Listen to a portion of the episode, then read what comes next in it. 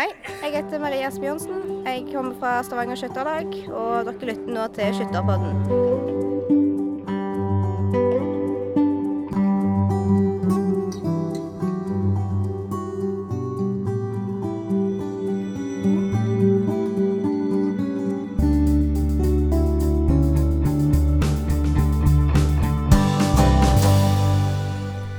Hjertelig velkommen til episode tre av Skytterpodden. Og i dag så skal vi snakke om feltskytinga som er i gang. Vi skal snakke om tillitsvalgte. Eh, og så skal vi snakke litt om eh, Terjes eh, hullkorn, vår aller, den faste spalten som vi har. Og i dag så har vi med oss en eh, ny kar i studio. Og det er Runar Sørensen fra Spydberg skytterlag. Velkommen. Takk, takk, takk. takk. Du er klasse femskytter og utdanningskonsulent. Ja, stand-in for Ola, som er eh, sjuk, dessverre. Ja, og som vanlig så har vi Terje Vestvik, som er klasse 4 og kommunikasjonssjef med oss. Veldig glad for at du sier klasse 4. Jeg rykka opp nå ved nyåret, og det er hyggelig. Gratulerer. Og så Tom Vegard Feltstykke, redaktør i Norsk Skyttertidene og nybegynner voksen. Velkommen. Hjertelig takk. Mye har skjedd eh, siden sist vi satt her. Det var i desember, nå er vi i januar. Og aller først, feltsesongen er jo endelig i gang.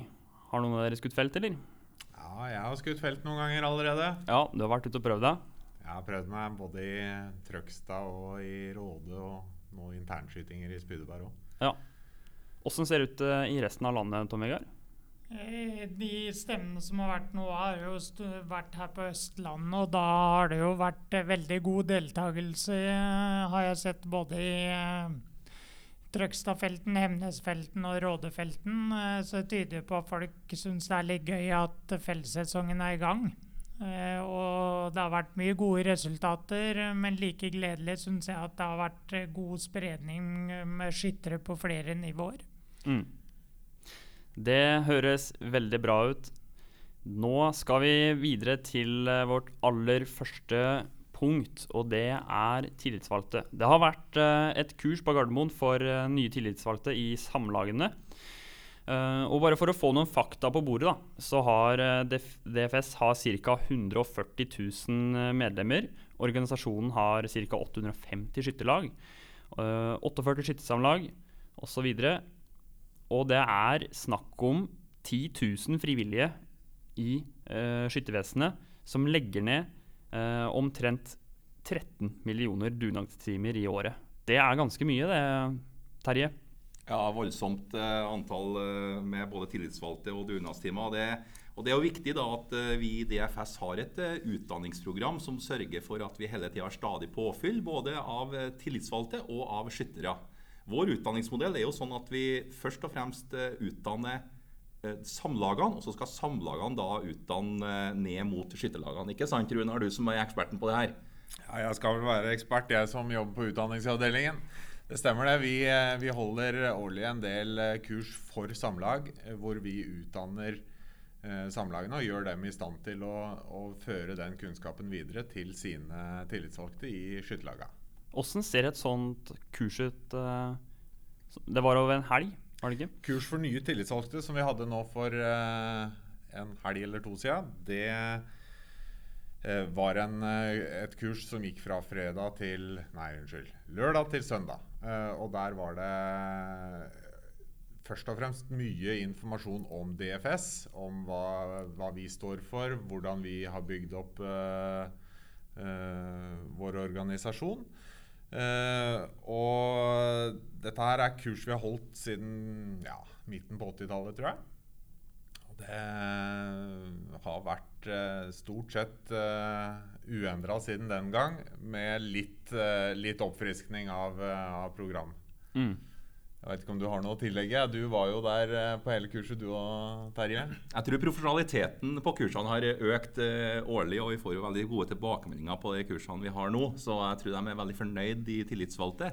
Og så er det jo sånn at når vi er på sånne kurs, så lærer jo vi på skytterkontoret òg. Vi skulle jo tro det, Runar, vi som kan det meste. Men det er veldig viktig for oss òg å arrangere sånne kurs, for da får vi tilbakemeldinger og korreksjoner på hvor veien går videre hen. Så det, det er også veldig viktig for oss å, å være med på de kursene. Ja, Og- også ikke minst det at vi blir kjent med de tillitsvalgte rundt om i samlaga. For det er, det er veldig mye dyktige folk, og det er veldig mye trivelige folk. Og det gir oss ganske mye, det å få, få den nære kontakten med, med de samlagene. Ja. Samtidig så er jo det tillitsmannsrollen, eller kvinnene rundt i alle skytterlaga og samlagene, ganske viktig for aktiviteten som foregår i eh, frivillig skyttervesen. Og uten alle de som legger ned tid for at andre skal få bedrive skyting, så hadde vi på en måte ikke kommet noen vei. Så eh, folk gjør en kjempeinnsats, sånn jeg ser det når jeg er rundt i Norge og besøker ulike skytterlag. Og Vi er jo midt i den store kurssesongen også på skytterkontoret. Nå mot tillitsvalgte. Skyterinstruktørkurs har vi jo fordelt over hele året. Men eh, nå neste helg skal vi ha regional samling. og Da samler vi jo 60 tillitsvalgte fra Sørlandet og Østlandet. Og Det skal jo du være leder for, Runar, så det blir jo en kjempesamling. Ja, jeg gleder meg til det. Jeg tror det kommer til å bli veldig interessant. Og da skal vi eh, ha et eh, tett program hvor samlaga skal analysere egen virksomhet eh, opp mot langtidsplan, som da er spikra for eh, 2016 til 2020. Mm. Eh, og det blir veldig mye fokus nå på uh, årets uh, satsing, som da er skyteskoler og, og instruktører. Ja. Jeg har langtidsplanen foran meg her. Her står det at hovedmål for perioden 2016-2020 er å bidra til at flest mulig får sin våpenopplæring gjennom DFS ved å øke antall medlemmer under 18 år med 8 og antall medlemmer over 18 år og eldre med 4% i planperioden. Ja, Det er ambisiøse mål. Eh, Nå har vi faktisk fått ferske tall fra 2017 som tyder på at vi er faktisk på tur opp med medlemstallet, og det er jo kjempegledelig. Nå har vi hatt ca. 140 000, og det ser ut som at vi kanskje kan passe 150 000 nå for 2017. Så det gjøres mye godt arbeid nå i skytterlagene og også da i samlagene som bidrar til det. Ja, det er helt klart. Rekrutteringsarbeid det er viktig, og der, eh, der sluntrer ikke vi i DFS unna, i hvert fall. Og så det jeg så Jeg kikka litt over skulderen til Ola i forrige uke, og han drev og laga oversikt over alle som eh, har hatt skyteskole de siste fem årene. Og det er jo en veldig økende bra trend blant antall skytterlag som vil arrangere skyteskole hos seg. Eh, For det, I fjor så passerte vel ca. 150 skytterlag som registrerte inn at de har skyteskole. Og jeg tror faktisk at det er enda flere der ute som har det, som ikke nødvendigvis leverer inn eh, søknad om det. Og det burde de kanskje ha gjort for at tallene skal bli korrekte. Ja, Det er jo oppfordringen nå for eh, det året som kommer. At alle de, som- de skytterlagene som arrangerer skytterskole, at de er flinke på å registrere inn. For én ting er at eh, hvis de ikke leverer, så går de glipp av et bidrag. Men eh, eh, hvis, de, eh, hvis de ikke registrerer inn, så får vi heller ikke de tallene vi, eh, vi ønsker. Og det bruker vi til å rapportere inn til eh, departementet og andre, andre instanser som Mm. vi får støtte ifra. Så det, det er veldig viktig, ikke bare for skytterlaget sjøl, men, at, eh, men for hele organisasjonen, at uh, skytterlaget er flinke til å registrere de tingene der. Og, men å få, få nye skyttere inn uh, i skyt- skytterlaget er jo en ting å få unge til å begynne med skyting. Men hvordan ser det ut med verv? Hvordan uh, er skyttere villige til å ta, ta de tunge verva? Jeg veit ikke hvem som skal begynne med den. jeg. Nei, vi ser vel sikkert eh, en del utfordringer som eh, også andre organisasjoner har. At mm. enkelte steder er det jo krevende å få tillitsvalgte. Men jeg mener på generell basis likevel at vi er heldigere stilt enn mange, som vi, mange organisasjoner rundt oss. Før så var det jo sånn at eh, det å være skytterlagsleder det var en posisjon i bygda. Det var liksom skytterlagslederen og pressen og ordføreren og rektoren kanskje som betydde noe. og lensmannen, ja, ja. Det var på det nivået der. Og det, jeg skal ikke si at det henger igjen, det er nok ikke det. Men det er noe med betydningen skytebanen likevel som gjør at vi har en uh, greie som gjør at uh, det å være skytterlagsleder ikke er så, så sett på Det er sett på som et, bra verv å ha likevel. Og at vi mange plasser får, uh, får bra med påfyll. Mm. Og vi vil jo gjerne ha flere kvinner og flere yngre ledere. Og det har vi også, ser vi også en tendens til at vi får flere kvinnelige skytterlagsledere, og også mer ungdom som tar tak i skytterlagene. Det er helt nødvendig. Mm. Vi... Ja, mm, eh, jeg er òg veldig opptatt av at man Én ting er de som sitter i styrene, men det er like viktig å se alle de som gjør den lille jobben hele tida med å møte opp på skyteskolen som er. De står alltid på kjøkkenet og serverer vafler når treningen er ferdig osv. Alle de folka der sånn, som er eh, ildsjeler, alle er like viktige for at det skal gå rundt, men noen må ta hovedoppgavene i styrene. Og det er derfor jeg har hatt en serie siden jeg tok over som redaktør i Norsk Skyttertidende og som heter Ildsjelen, nettopp for å få fram litt av alle de som gjør en innsats der ute. Så eh, jeg tar gjerne imot forslag til folk som fortjener litt oppmerksomhet, og da mener jeg ikke bare de som har jobba 40 år i styret eller noe, men alle de hverdagsildsjelene er òg viktig. Ja, det er kjempeviktig. De, det er de som drar eh, veldig mye av lasset i skytterlagene rundt omkring. Det er helt, eh, helt klart. Tiltredes. Ikke noe mer å si. Det er helt rett å snakke om her at det er jo ikke bare det å få en leder, eh, det er et helt styre, men så er det medlemmene å få et eh, skytterlag som fungerer på mange plan, også sosialt, ikke bare med skytinga. Det er faktisk et ganske stort apparat som skal på plass. Absolutt. Og, og så handler det om til slutt òg med skyteskole. Én ting er å arrangere skyteskole, men etterpå så er det hvordan du skal få involvert alle foreldra. For jeg tror skal du få en, en ungdom til å fortsette med skyting, så må man i nesten alle tilfeller ha foreldre med på laget. Og hvis du ikke klarer det, så, så er det veldig vanskelig å holde på ungdommen. Og jeg tror at vinterstid nå, det vi ser med innendørsskytinga som har blitt så veldig populært, og alle banene vi får innendørs, at det danner en veldig god sånn sosial grobunn for det man skal gjøre om sommeren. Man snakker mye om hva skal man gjøre når man skal ut, dugnaden på skytebanen, når man skal komme seg ut om våren. Og det at jeg ikke tok ordet nok, snakka om feltskyting her, så føler jeg det er litt tidlig, selv om jeg har bodd på Østlandet i mange år nå og vet at det begynner her. Men feltsesongen i Trøndelag og nordover begynner jo kanskje i slutten av februar, og så mars og utover. Så eh, de holder på trygt og godt fortsatt innendørs i lang tid, og dette har selvfølgelig noe med lysforhold å gjøre. Mm. Vi skal over til eh, neste punkt uh, i sendinga vår. Skal snakke litt om etiske retningslinjer. Terje, hvor finner vi dem hen?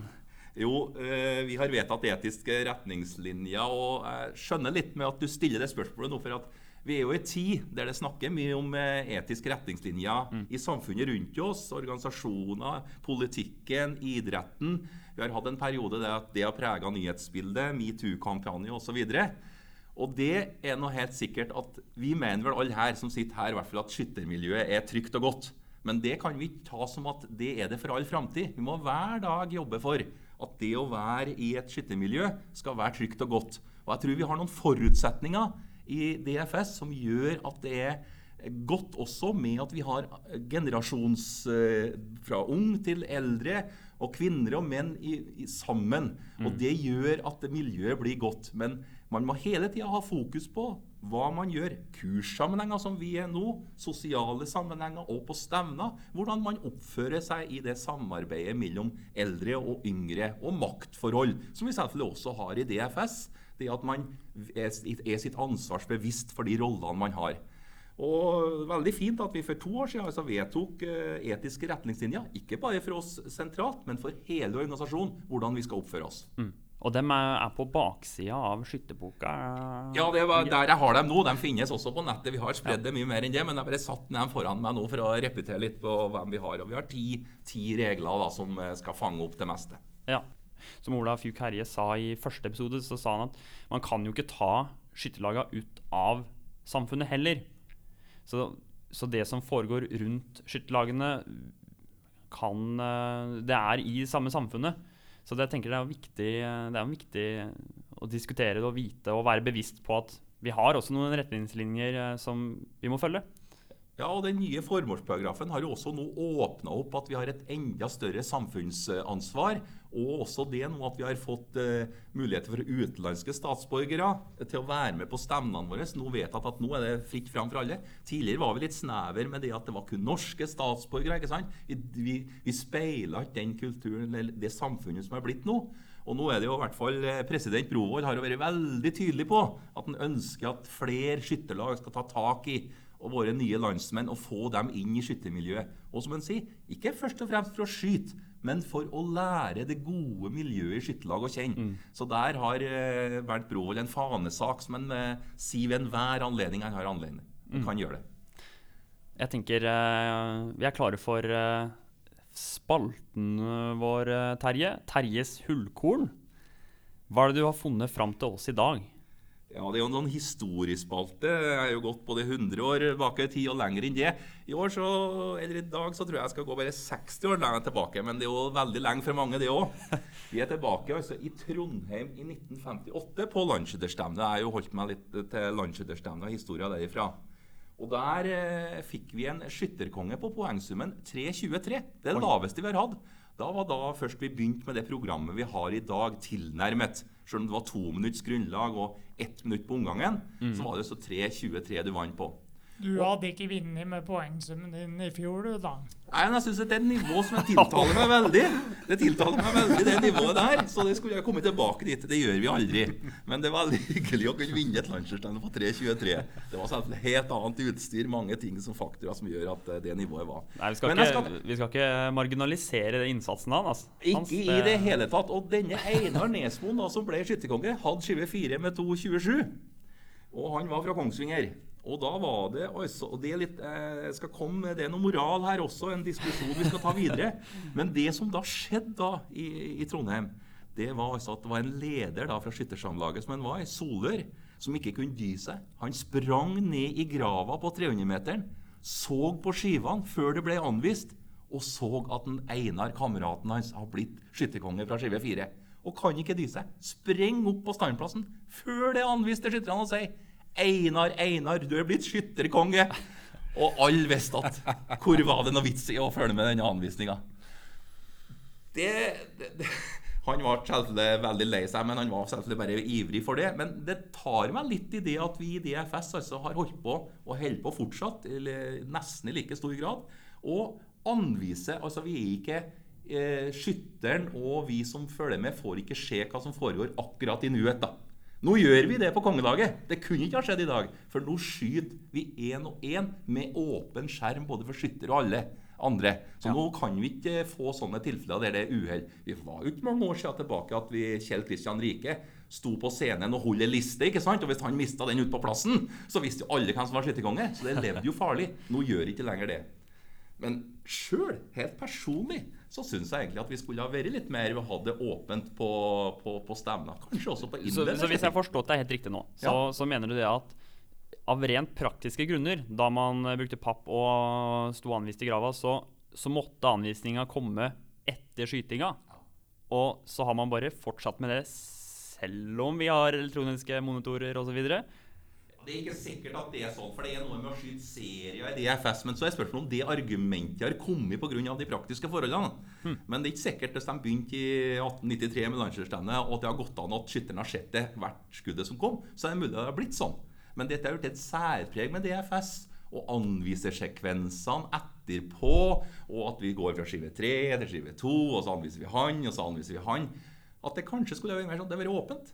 Altså, eller at du har skutt kanskje fem og fem i gangen, så har vi fulgt med de femmene. Ja. Da er det med å skyte så mange i gangen som mulig for et rettferdig forutsatt. Men sånn. min greie er at det er vanskelig i hvert fall, tror jeg, for en TV-seer å, å, å, få med seg det der når vi har for. At hele verden vet hva du, Runar Trønser, skyter, bare ikke du sjøl under serien. Du mener det? ja. Jeg er ikke helt enig med deg der. Jeg, jeg, mener at det er en del av særpreget i DFS at vi, at vi, får svaret etter at vi har skutt, og at alle andre har skutt. Men samtidig så ser jeg på Det er mye diskusjon om eh, rekruttklassen 22 ammo eh, som er veldig påvirka i forhold til vind. Som jeg ser en del av de unge får liknus sin drøm om å skyte bra på landsskytterstevne, nettopp fordi de kan ha fine samlinger, men er veldig skeive pga. at det kommer vind når de skal skyte sine serier. Og da er det veldig forbeholdt de rekruttene som har foreldre som eh, har eh, lært bort veldig mye av det de kan sjøl. Jeg tror kanskje ikke du skal si bare foreldre. Det er jo eh, instruktørene i skytterlagene som er ansvarlig for å lære opp, opp, det. Men det er klart, de som de ungdommene som har foreldre som er, er engasjerte og som kan skyting, har jo en fordel der. Det er helt sikkert. Er, men det er alltid det er mange ting som spiller inn hva som er riktig og ikke. For det kan òg stresse en tolvåring å kunne se på skjermen hele tida hvor skuddet sitter. Eller hvis naboen skyter i de skive, så kan Oi, jeg har jo ti skudd allerede. Kan jeg fortsette eller ikke fortsette? Så det er, det er ikke bare fordeler og ulemper uansett løsning man velger. da. Mm. Men min, min, inngang er at det, dette bør ikke snakke om engang i, i det frivillige skyttervesen. Og all annen idrett, alt du ser, er selvfølgelig noe du får umiddelbart. Og ungdommen i dag som står og spiller TV-spill og sånn, de har ikke hatt lukka og sett etterpå om de, eh, hvis de driver med noe skytespill på skjermen sin og sånn. Det er jo helt uaktuelt. Det skjer her og nå som vi, vi ser det, og det skjer for alle, ikke for noen. Og jeg er jo, kan være enda mer radikal og si det sånn på feltskyting også. Hvorfor skal det være sånn at når du er skeiv på førstskuddet, så skal du få hele serien din skeiv? Men, men, vi kan jo risikere at skyttere ligger og skrur på ett og ett skudd, for så vidt. Hvis du skjønner hva jeg mener? At, uh, Men det er jo ja. en del av dealen, da. likt Litt for alle. At du mm. kan gjøre det. Det er jo litt som jeg tenkte på når jeg var på landsskytterstevnet på Lesja i 2005. Da fikk man jo de berømte kameraene til NRK som bevega seg etter hvem som skjøt bra. Da husker jeg at folk sprakk, og det var en del overraskende eh, resultater eh, blant skytterne. Men i dag tror jeg ikke de aller fleste lar seg påvirke så mye av de kameraene. Så det er litt I vår organisasjon nå så må man på en måte endre seg, og da lærer jo alle skytterne seg til å tilpasse seg de endringene som eventuelt blir gjort. da folk sprekker i dag òg, da, Tom Vegard. Ja. Og, og, og, og, det morsomme har vært å se her om dette hadde påvirka, for det kan vi jo diskutere mye. Det er noe, noe veldig vesentlig å si nå. Dette sier jeg nå som en privatperson og har også andre meninger her. Men det er bare for å åpne en mm. debatt om det, for det var litt artig med, med, med saken til Nesmoen her. Men eh, det, det, er morsomt å se Har det påvirka resultatene i klasse 5? Altså det at de kunne ha sett hvert etter. Da har vi fått mer å snakke om. Hadde de tatt ned skjermen på stående serien, ikke sett, hadde de ville ha sett hvert etter? Hva du mener du, Runar? Som, Nei, eh, du har klasse fem og greier. Da, da, tenker du først og fremst på NRK-reporterne, eller? Eh? Nei, jeg tenker på skytteren. da, Når skytteren har han valgte å sett på, eller har han tenkt jeg innskutt gevær, jeg ser ikke under serien, for jeg vil skyte nå. Personlig hadde jeg jo valgt den løsningen. Men uh, du ser jo de beste som er på kongelaget i dag, de, de ser jo på det de, det de skyter underveis, og har tydelig trent på det. Mm. Eh, så jeg ser vel ikke bort ifra at hvis det hadde vært åpen skjerm eh, generelt i DFS, så hadde folk eh, sett på underveis. Det ville vel vært ganske naturlig, men, men, jeg er ikke så sikker på at vi hadde vunnet så mye i, i, vår organisasjon på at vi hadde hatt åpen skjerm. Jeg tror mye av særpreget vårt er, er nettopp det at vi skyter serier Eh, fem og fem skudd, eventuelt ti skudd. Og at vi da får anvist det i etterkant. Jeg er jo selvsagt helt enig i at uh, det med åpen skjerm i kongelag og sånn, det er en nødvendighet i forhold til, uh, til TV og media for øvrig. Men, men jeg tror at, at vi lever veldig godt med det sånn vi har det i dag. Ja, Fint avbalansert det, Runar. Jeg bare drar opp en debatt der. Jeg vet bare med meg sjøl at jeg hadde sprukket etter tre tiere på ligaserien. Jeg hadde ikke skutt 50 en gang da hvis jeg hadde sett på skjermen. Og det tror jeg det gjelder mange. Det gjelder nok ganske mange. Ja. Mange og etter tre tiere på stående-serien så har det skjedd enda flere. Og du kommer aldri til å skyte tre tiere på stående-serien. ja, men det er nettopp dette som det du sa nå til slutt som fenger meg litt. Det er så lett for at når vi gjør diskusjoner på det som har med skyting å gjøre, sånn, så snakker vi om de beste skytterne, hvordan vil de takle osv. Jeg tror man i mange sånne sammenhenger hvor man skal diskutere program eller måten å gjøre ting på, eller noe, så skal man i større grad tenke på bredden. For DFS er jo ikke bare for de som er best, det er jo en breddesport som favner veldig vidt. Og har veldig mye forskjellige klasser og forskjellig alder osv. Og, så og det er det man må ha som utgangspunkt i enhver diskusjon. Men da blir min påstand at de tredjeklassingene som vil ha satt seg mot de løsningene, er jeg sikker på at hylekoret, hvis det har blitt sånn, det har vært blant femteklassingene som ikke har tålt det. Men det er de som engasjerer seg mest generelt. altså Det er vel ikke unaturlig, det. Helt enig. helt enig. Men eh, Tom Vegard, jeg kan jo bare spørre deg, da, du som er en forholdsvis fersk eh, nybegynnende voksenskytter. Hvordan tror du du hadde takla å kunne se skudd for skudd? Det kunne vel ikke ha blitt noe dårligere enn det jeg allerede Jo, har gjort. Jo, det kunne det blitt. Du er ganske habil, du. Jeg tror det hadde vært helt greit. Jeg har prøvd det på NM skogsløp. Da så jeg på skytinga. Jeg måtte løpe mange strafferunder da. ja. Så det hjalp deg ikke noe, med andre ord. Men et, men et siste argument for å ta den rollen min igjen da, til å være for dette her, det er at da har vi trengt færre prøveskudd. For du har kunnet skrudd deg inn under seriene. Du har ikke fått en hel serie som har vært ødelagt. Det er feil. Det er fint at du nevner Selvsagt er det ingen som er interessert i å starte en serie uten å vite at de er uh, midt i. Så de hadde skutt akkurat like mange fe eh, prøveskudd ja, om de hadde hatt åpen skjerm på serien eller ei. Tilhørerne skjønner i hvert fall nå at vi på skytterkontoret kan diskutere sånne ting, og med en fleipete tone også oss imellom. Og Det er sånn det skjer utvikling i organisasjonen også.